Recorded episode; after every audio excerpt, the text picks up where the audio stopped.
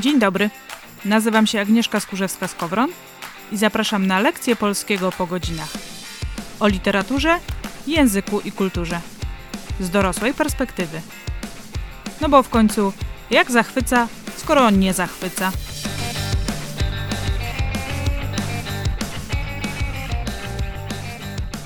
Dzień dobry. W poprzednim odcinku podcastu Jak zachwyca, lekcje polskiego po godzinach, mówiłam o akcencie i o tym, do czego jest nam on potrzebny, skąd się wziął w języku polskim, jak się rozwijał. Dzisiaj kontynuuję temat tego, jak mówimy, w jaki sposób mówimy i opowiem o intonacji i o wymowie. W języku polskim intonacja ma charakter logiczny i emocjonalny. I za jej pomocą przede wszystkim rozdzielamy w mowie zdania i frazy, i podobną funkcję pełni akcent wyrazowy, ale w obrębie słowa. Dalej zaznaczamy, jaką funkcję pełni nasza wypowiedź, czy jest oznajmująca, pytająca, rozkazująca, no i nadajemy wypowiedziom cech emocjonalnych. A wszystko to za pomocą niepozornej wysokości dźwięku, bo tym właśnie jest intonacja. W języku polskim ton głosu, za pomocą którego modelujemy brzmienie naszej wypowiedzi, może być opadający i nazywa się to wtedy kadencją, lub wznoszący i wtedy mówimy o antykadencji. Intonacja wiodąca pojawia się na sylabie akcentowanej ostatniego wyrazu wypowiedzi. Tyle teorii, a teraz y, więcej praktyki, po to, żebyś usłyszała, żebyś usłyszał, o co chodzi z tą intonacją i dlaczego jednak jest ona istotna. Kadencja nazywana jest również intonacją twierdzącą. Dźwięk w kadencji jest niższy w stosunku do tonu podstawowego. I stosowana jest ona, żeby zaznaczyć koniec wypowiedzi i jest charakterystyczna dla zdań oznajmujących odpowiedzi rozkazów. Pojawia się też w pytaniach o uzupełnienie. Czyli kiedy kończę jakąś wypowiedź, wtedy właśnie moja intonacja jest opadająca. Mam nadzieję, że to słychać. Dalej, kiedy po prostu coś oznajmuję. Lubię psy. Kiedy odpowiadam, tak, lubię psy. W końcu, kiedy rozkazuję, polub psy. No i pytania o uzupełnienie: wolisz psy czy koty? Mam nadzieję, że to wszystko było słychać, ale zachęcam Cię do tego, żebyś e, sama, sam sobie wypowiedziała głośno te zdania, bądź jakiekolwiek inne zdania, ale właśnie kończące wypowiedź oznajmujące, będące odpowiedzią, rozkazujące, będące pytaniem o uzupełnienie. I żeby usłyszeć właśnie, co się dzieje z tym dźwiękiem. Oczywiście robimy to bezwiednie, ale właśnie warto się od czasu do czasu nad tym zatrzymać. Drugim rodzajem intonacji w języku polskim jest antykadencja. I ona jest również nazywana intonacją pytającą, a dźwięk w antykadencji jest wyższy w stosunku do tonu podstawowego. Jest on charakterystyczny no, dla pytań o rozstrzygnięcie. Pojawia się też w wezwaniach. I pytanie to na przykład lubisz psy? Wezwanie każdy powinien lubić psy. Przyznam, że tu mam trochę problem, bo w większości wezwań antykadencja jest głównie na czasowniku, a całe zdanie kończy się jednak kadencją ale gdy wezwanie mówione jest podniosłym tonem, wtedy rzeczywiście antykadencja jest wyraźniejsza na końcu. Antykadencja stosowana jest również w wypowiedziach urywanych. Na przykład lubisz psy i tu też podobnie w zależności od tego, jak wypowiedź miała układać się dalej, mamy kadencję albo antykadencję. Zasadniczo jednak antykadencja jest charakterystyczna w wypowiedziach otwartych. Te wątpliwości, o których powiedziałam, pojawiają się z jednego konkretnego powodu. W zdaniach pojedynczych, w krótkich wypowiedziach izolowanych, kadencja i antykadencja są wyraźne. To trochę tak jak z pojedynczymi słowami, które jesteśmy w stanie wymówić bardzo starannie, a które w dłuższej wypowiedzi trochę zmieniają swoje brzmienie, też w zależności od tego, z jakim słowem innym występują. Podobnie jest z wypowiedziami, które zazwyczaj są dłuższe niż jedno zdanie pojedyncze. Pojawia się w nich wiele zdań twierdzących i podczas mówienia, a zwłaszcza czytania, to dźwiękowe modulowanie może być bardzo słabe. a nawet może zanikać, co fachowo nazywa się progrediencją, czyli intonacją bez zmiany tonu podstawowego. Gdy w takiej wypowiedzi ograniczy się intonację w pytaniach czy zakończeniach, mamy wówczas idealną wypowiedź usypiającą.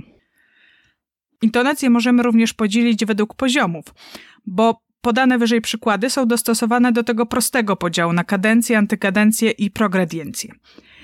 Wiemy jednak, że język prosty nie jest, więc takie podstawowe rozróżnienie nie oddaje wszystkich jego półcieni, a właściwie powinnam powiedzieć półdźwięków. Dlatego powstał opis intonacji podzielonej według poziomów. I mówimy o super niskim, niskim, średnim, wysokim, super wysokim. Podział tych poziomów charakterystyczny dla języka polskiego pokrywa się z trzema głównymi sposobami intonacji i tylko jest w ich ramach uszczegółowiony.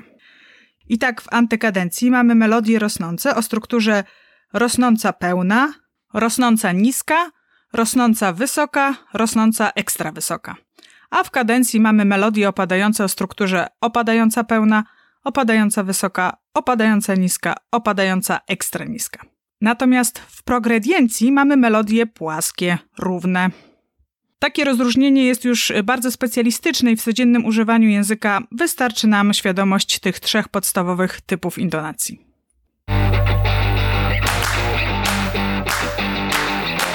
I teraz, jak to działa?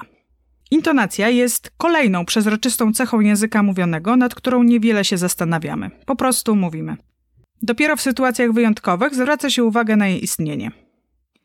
Na popularność przemów, wykładów i tym podobnych ma wpływ nie tylko ich treść, ale przede wszystkim ich forma. A tu intonacja ma wiele do powiedzenia. Założę się, że każdy z nas przeżył jeden, choć jeden wykład z wybitnym profesorem lub lekcję z oczytanym nauczycielem, które usypiały od pierwszego zdania – bo cała wypowiedź przez półtorej godziny wykładu mówiona była zazwyczaj bez intonacji albo z intonacją bardzo słabo zarysowaną. I ja przyznam szczerze, aż wzdrygam się na samo wspomnienie. Z drugiej strony, umiejętne intonowanie, a szerzej wykorzystywanie elementów prozodii, powoduje często, że głupoty przyjmujemy jak prawdę objawioną, bo są w tak angażujący sposób przedstawione. Inny moment, kiedy ta intonacja jest istotna, to wiersze. Ja dawno temu pisałam wiersze i żaden nie był rymowany, bo rymów bałam się bardzo. Przede wszystkim tego, że wyjdą mi rymy częstochowskie i będą brzmieć jak w wierszach recytowanych przez pierwszoklasistę łapiącego w ostatnim momencie oddech. Dopiero później na studiach olśniło mnie, że dobre brzmienie wiersza to nie tylko rymy. Rymy częstochowskie to takie rymy, które stanowią jedyny element prozodyczny wiersza. Gdy poeta świadomie używa elementów intonacji, pauz, akcentów, wiersz brzmi zupełnie inaczej. Mamy na przykład na górze róże, na dole fiołki, my się kochamy jak dwa aniołki. Ale mamy też inny przykład. Do pieca, miłosny zaszycie. Do pieca listy stos cały, a żeście z ognia powstały, więc w ogień się obrócicie. To jest wiersz Marii Pawlikowskiej-Jasnorzewskiej Listy. W obu przypadkach mamy rymy, a jednak czyta się te wiersze zupełnie inaczej, właśnie ze względu na urozmaiconą prozodię. Oczywiście oba wiersze można skrzywdzić lub wznioślić za pomocą intonacji, jednocześnie w pierwszym odruchu czytelniczym jesteśmy w stanie odczytać je zgodnie z zamysłem autora. Zainteresowanych tym tematem zachęcam do obejrzenia nawet w częściach wykładu profesora Jerzego Bralczyka, on jest obecny na YouTubie, o tym jak mówić, by nas słuchano. I tam profesor porusza różne tematy, między innymi sposób intonowania wypowiedzi. Sypie tam przykładami jak z rękawa, e, chociaż właściwie cały wykład jest jednym wielkim przykładem. Tyle o intonacji.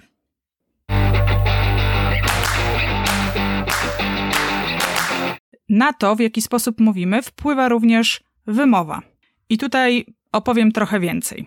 Dowiesz się między innymi o alfabecie fonetycznym, o normie ortofonicznej, o stopniach poprawności wymowy, o wariantach wymowy, o zmianach w wymowie i na końcu troszeczkę o dykcji.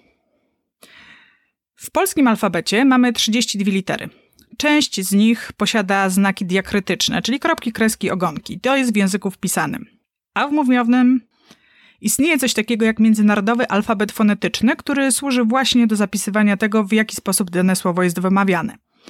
I na pewno każdy z nas zetknął się podczas nauki języka obcego z takim właśnie zapisem w nawiasach kwadratowych. Alfabet ten ma różne swoje odnogi, które uwzględniają specyfikę danych grup językowych. Wymowę języka polskiego zapisuje się slawistycznym alfabetem fonetycznym. Dlaczego o tym mówię? Bo zapis fonetyczny nie dotyczy tylko tych specyficznych głosek, jak dż, ę, szy, ś, ponieważ umiejscowienie głosek wobec siebie wpływa na wymowę każdej z nich.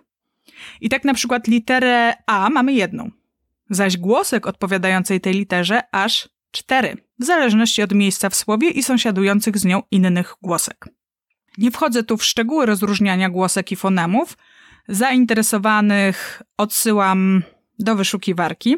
Natomiast ten krótki wstęp fonetyczny był mi potrzebny po to, żeby uzasadnić podział wymowy na różne jej rodzaje i wytłumaczyć pochodzenie tego podziału. Bierze się on właśnie z tego, w jaki sposób wymawiamy grupy głoskowe, a zwłaszcza spółgłoskowe. W wymowie zachodzi bowiem wiele procesów dźwiękowych, zarówno w pojedynczych głoskach, jak i ich grupach. Podział na staranność wymowy przeprowadzono przede wszystkim według kryterium poprawnego wymawiania grup spółgłoskowych. Przy czym od razu dopowiem, że poprawność zmienną bywa i wynika z pewnego społecznego, kulturowego i politycznego kontekstu.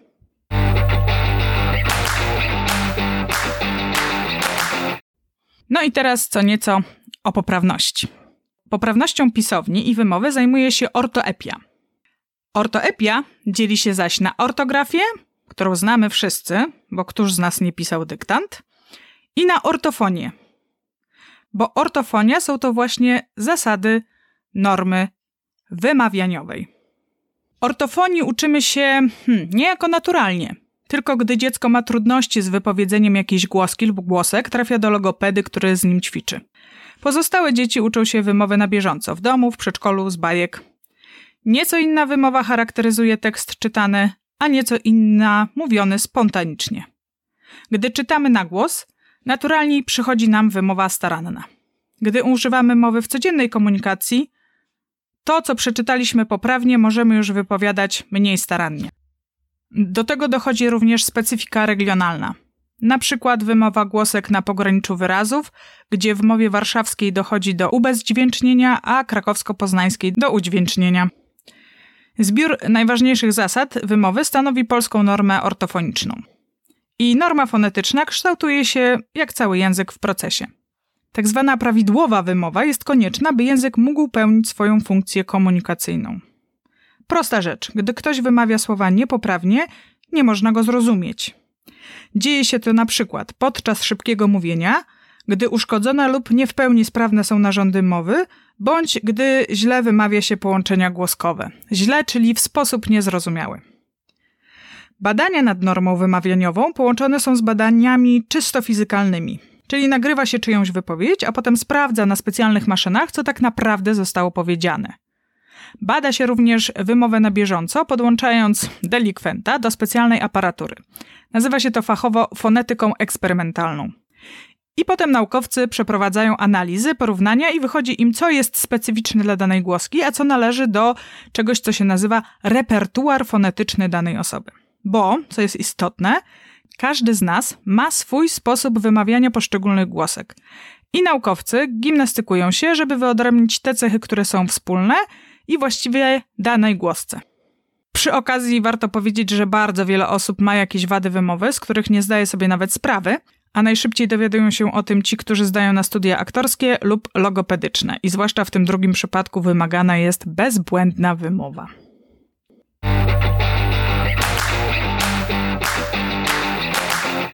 Profesor Andrzej Markowski, językoznawca normatywista, wyróżnił cztery aspekty normy fonetycznej: dwupoziomowość, wariantywność, zmienność oraz uświadomienie społeczne. O co chodzi w dwupoziomowości? W normie fonetycznej można mówić, podobnie jak w tej dotyczącej poprawnego pisania, o dwóch jej stopniach wzorcowej i potocznej. Norma wzorcowa zakłada idealną wymowę z odpowiednią artykulacją, głośnością, naciskiem, intonacją itd. Tak Należy ją stosować we wszystkich wypowiedziach publicznych. Druga to tak zwana norma potoczna albo codzienna, stosowana w każdej nieoficjalnej sytuacji komunikacyjnej. w ramach tego głównego, dwupoziomowego podziału wyodrębniono kilka stopni normy fonetycznej. I wymowę pod względem poprawności dzielimy w zależności od tego, jak bardzo jest zgodna z normą wymawianiową, i każdy z tych typów wymowy łączy się również z konkretną sytuacją komunikacyjną. Najpierw mamy wymowę bardzo staranną, inaczej nazywa się ją sceniczną lub wzorową, ponieważ stosuje się ją przede wszystkim w teatrze, filmie, przemówieniach i wszędzie tam, gdzie warstwa estetyczna przekazu ma szczególne znaczenie. Potem mamy wymowę staranną, Tą z kolei nazywa się szkolną albo poprawną, a stosuje się w swobodnych wypowiedziach publicznych, nieprzygotowanych wcześniej, niezapisanych. I na przykład taka wymowa obowiązuje nauczyciela podczas prowadzenia lekcji, dziennikarza podczas przeprowadzania wywiadu, księdza podczas kazania, chyba że je czyta, urzędnika, posła na mównicy sejmowej. Dalej mamy wymowę potoczną, inaczej codzienną lub dopuszczalną. Jak sama nazwa wskazuje, obowiązuje ona w codziennych interakcjach i dotyczy wszystkich. I na przykład taki poseł na mównicy sejmowej powinien posługiwać się wymową staranną, ale kiedy rozmawia ze swoim wujkiem, może spokojnie używać wymowy potocznej. Jest jeszcze coś takiego, co nazywa się wymową niestaranną. Niektórzy mówią o tym, że jest to wymowa nieprawidłowa i ona z kolei pojawia się w grupach bardzo nieformalnych, czyli można by ją nazwać wymową nieformalną, w codziennym użyciu, gdy mówiący nie mają potrzeby zachowania norm, przekaz jest zrozumiały mimo błędów, a te nie wpływają na negatywną ocenę mówiącego. I często również wymowa ta związana jest z wypowiedziami emocjonalnymi, kiedy wzburzenie utrudnia poprawne artykułowanie głosek. W klasyfikacji pojawia się również wymowa wadliwa, czyli w ogóle niezgodna z normą. I ciekawe jest to, że wymowa bardzo staranna, wzorcowa, wcale nie jest najlepsza dla każdej sytuacji komunikacyjnej. Bo mówienie w ten sposób w codziennej rozmowie czy do dziecka odbierane jest jako nie na miejscu. Uważamy wówczas, że osoba tak mówiąca albo się popisuje, albo sobie żarty stroi. Z kolei wymowa potoczna na scenie czy w przemowie może prowadzić do niezrozumienia wypowiedzi przez słuchających. Właściwie nawet nie wymowa potoczna, a wymowa ta niestaranna, nieformalna. Jeśli chodzi o kodyfikację normy ortopeicznej, to nie jest ona tak szczegółowa jak zasady ortograficzne. I wcale nie jestem pewna, czy akurat powinna być. Ale wiąże się to z faktem, że do pewnego momentu naszej historii nie było w polszczyźnie tak naprawdę jakiejś jednej normy wymawianiowej. Dużo było za to regionalizmu wymowy gwarowej. Dopiero gwałtowny wzrost użytkowników języka literackiego od połowy XIX wieku zaczął powodować przeobrażenia i ujednolicanie języka mówionego. Jednak kilkaset lat zróżnicowanej wymowy owocuje tym, że mamy dziś coś, co normatywiści nazywają rozchwianiem wymowy. I z jednej strony słyszymy wymowę naszego najbliższego otoczenia, która często jest naznaczona regionalizmami, z drugiej słyszymy język w telewizji czy radiu, w internecie, z trzeciej mamy słowo pisane. I w związku z tym językoznawcy zauważają dużą niepewność użytkowników polszczyzny co do poprawnej wymowy. Swoją drogą warto pamiętać, że gdy zaczęto badać pochodzenie polskiego języka literackiego, czyli ogólnego, na pierwszy plan wysunęła się dyskusja, która to regionalna jego wersja, wielkopolska czy małopolska, legła u podstaw. Dyskusja ta trwała od drugiej połowy XIX wieku do lat 60. XX wieku i zakończyła się niczym. To znaczy nadal jedni uważają, że polski język literacki wywodzi się z odmiany wielkopolskiej, inni, że z małopolskiej i konsensusu żadnego nie wypracowano. Co jednak warte podkreślenia w związku z tematem niniejszego tekstu, najpierw wykształciła się ogólna norma języka pisanego, potem nastąpiła unifikacja wymowy warstw wykształconych, a na końcu zaczęła kształtować się ogólna norma wymawianiowa, która i tak naznaczona jest wariantywnością. I mimo, że norma fonetyczna w języku polskim nie ma ścisłej kodyfikacji, to pojawiły się i pojawiają książki próbujące ten temat zagospodarować. Pierwszą z nich były Prawidła poprawnej wymowy polskiej Zenona Klemensiewicza z 1930 roku i powstała ona na podstawie informacji o poprawnej wymowie polskiej ustalonych w 1926 roku przez specjalną komisję złożoną z językoznawców i aktorów.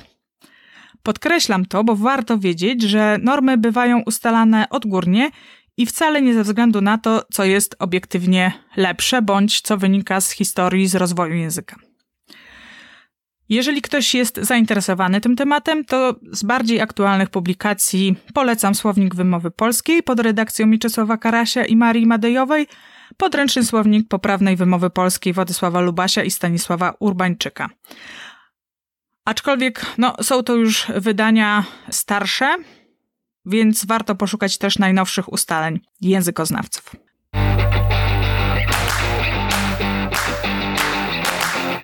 Kolejnym aspektem normy wymawianiowej jest wariantywność. W polskiej wymowie jest sporo słów, które można wymawiać w dwojaki sposób.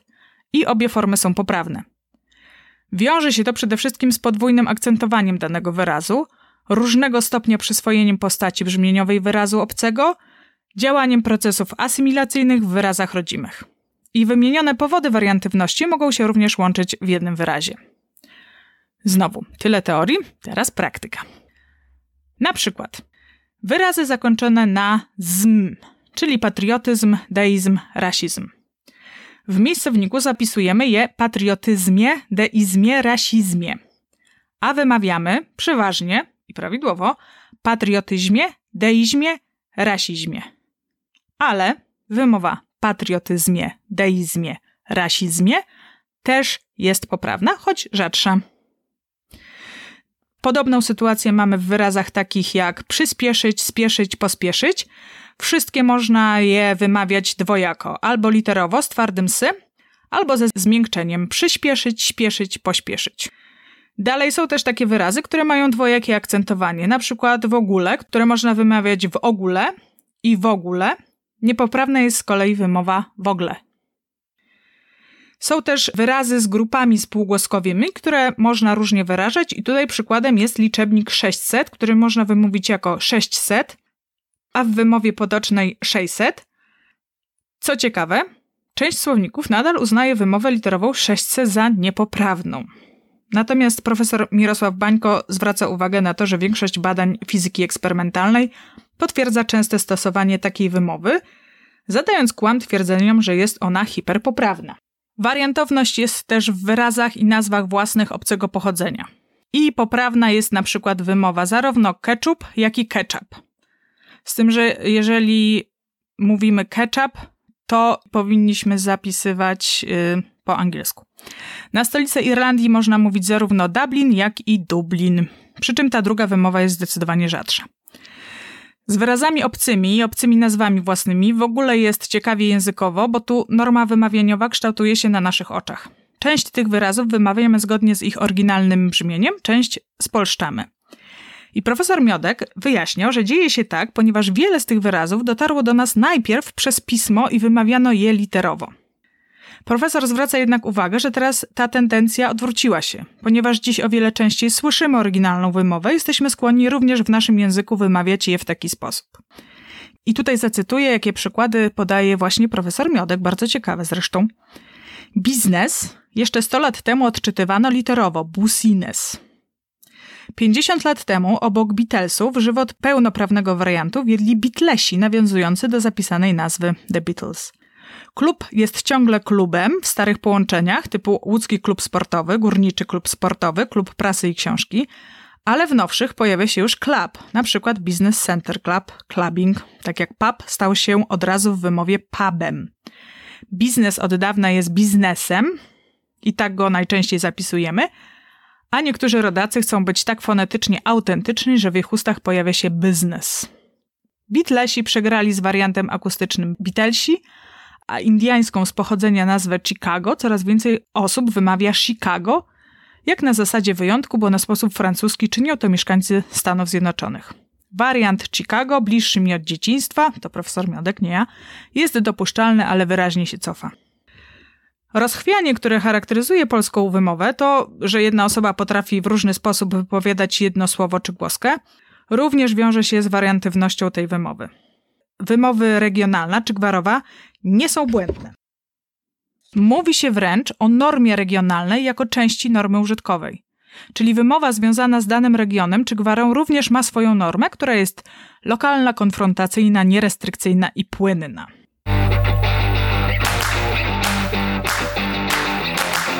Kolejnym aspektem normy fonetycznej jest zmienność.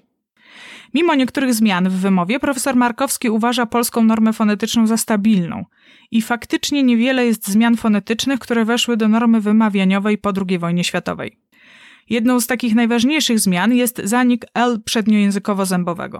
I kiedyś należało ono do wymawianiowej normy wzorcowej, a dziś mówi się o nim L sceniczne. I tak to jest to słynne L śpiewane przez Ordonkę w Miłość ci wszystko wybacz. Po wojnie coraz częściej ulegało ono wałczeniu, czyli wymawiano je tak, jak robimy to teraz, co w alfabecie fonetycznym oddaje się jako nasze W, a nazywa się unie z głoskotwórczym. To L przedniojęzykowo-zębowe jest nadal poprawne w wymowie, aczkolwiek stosuje się je już tylko w niektórych wschodnich regionach Polski i czasami na scenie. We wschodnich regionach Polski, dlatego że jest to cecha właśnie y, języków bardziej od nas na wschód występujących. A i tak w tych dwóch przypadkach używają go przeważnie osoby starsze. Można się również spotkać z opinią, że wymowa L przedniojęzykowo-zębowego świadczy o wysokim lub inteligenckim pochodzeniu mówiącego. Ale tylko poniekąd jest to prawda, bo z kolei wymowa ły jako u, nie z głoskotwórczego, pojawiła się najpierw wśród chłopów i warstw niewykształconych. No a dziś wszyscy tak mówimy, na co miało też pewnie wpływ wyniszczenie polskiej inteligencji w czasie II wojny światowej. Dygresja to zresztą pokazuje, jak często zmiany w języku wynikają z zupełnie pozajęzykowych wydarzeń. Podobna sytuacja miała miejsce z feminatywami, powszechnymi w języku polskim w międzywojniu, o czym zresztą pisałam artykuł na stronie Wianki Słów. I zmiany dotyczą też wspomnianej wyżej wymowy słów pochodzenia obcego.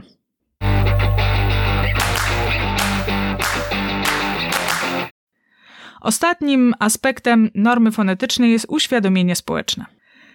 Kwestie poprawności językowej, zarówno w wymowie, jak i w piśmie, to jeden z niewielu tematów z języka polskiego, które żywo interesują Polaków. Z literatury to tylko lista lektur. I co ciekawe, zwykli użytkownicy języka są konserwatywniejsi, jeśli chodzi o zakres normy wymawianiowej czy pisanej, niż niejeden językoznawca normatywista. Jednym z pytań, które pojawia się często w temacie wymowy polskiej, są samogłoski nosowe. Dwie główne to on i un. Mają one swój odpowiednik w literach. Ale tak naprawdę każda samogłoska ustna w odpowiednim otoczeniu może stać się nosowa. Na przykład a w słowie tramwaj. Warto sobie zadać pytanie, czy samogłoski nosowe istnieją. Tak naprawdę coraz mniej ich już w przyrodzie. Nie powiem nic nowego, zacytuję tylko badania, z których wynika, że, mm, no cóż, mało kto wymawia je już poprawnie. Poprawnie, czyli jako jedną głoskę. Językoznawcy twierdzą nawet, że w przyszłości w ogóle zanikną. Dlaczego? I tutaj cytuję. Z przeprowadzonych przez lingwistów analiz spektograficznych wynika, że w wymowie młodych warszawian posługujących się standardową polszczyzną głoski nazywane samogłoskami nosowymi są realizowane w postaci dyftongów. Eu, on. Dyftongi nienosowe były notowane najczęściej przed pauzą. Uwzględnione w tekście audytywnym wyrazy tworzące pary w rodzaju krzykną, krzyknął czy orze, orzeł brzmiały homofonicznie i były transkrybowane jako krzykną orzeł, czyli tak samo. Alternatywę dyftongu e stanowił w pozycji wygłosowej nienosowy monoftong e. Przed spółgłoskami szczelinowymi występowały zdaniem badanych z reguły dyftongi z nosowością asynchroniczną, pojawiającą się w drugiej części ich przebiegu. No to tyle naukowego. Natomiast ty sprawdź, jak wymawiasz te wyrazy, o których była mowa w cytacie, oraz czy jesteś w stanie wymówić w ogóle samogłoski nosowe w sposób czysty, nie jako dyftongi, czyli jako dwie głoski. Tak jak w tym przykładzie orzę, orzeł. O tym, że nie jest to wcale takie łatwe, niech świadczy fakt, że w szkołach aktorskich uczy się wymowy tych głosek nosowych. Nie jest to tylko dylemat zwykłych zjadaczy chleba. Sami językoznawcy mają różne zdania na temat istnienia lub nie we współczesnej wymowie polskiej samogłosek nosowych oraz na temat tego, ile ich w ogóle jest. Przyznam szczerze, że nie zdziwię się, jak ostatecznie skończymy na tym, co z Oskraską i zwykłe. Kiedy piszemy inaczej, mówimy dokładnie tak samo, mimo że historycznie w pewnym momencie rozwoju języka istniała różnica w ich wymowie.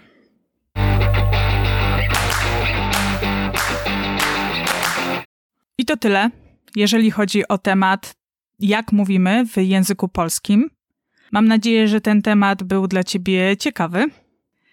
I najważniejsze w tym, co przed chwilą usłyszałaś, usłyszałaś, jest to, żebyś pamiętała, pamiętał, że w języku chodzi o to, żebyśmy zrozumieli siebie nawzajem. Język ma przede wszystkim funkcję komunikacyjną.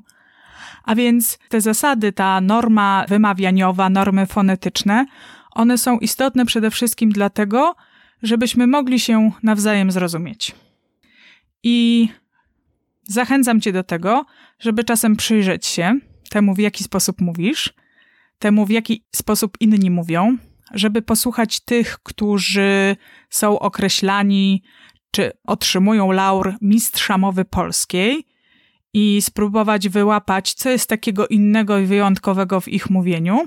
Być może zacząć ich czasem naśladować, ale też nie wstydzić się swojej regionalnej czy gwarowej wymowy, bo to też należy do zasobów naszego języka i naszej normy wymawianiowej. Życzę Ci dobrego mówienia w języku polskim. Zapraszam Cię serdecznie do kolejnego odcinka podcastu Jak Zachwyca. Zapraszam Cię również do odwiedzenia moich mediów społecznościowych na Facebooku i na Instagramie oraz również do odwiedzenia strony Wianki Słów. Do usłyszenia!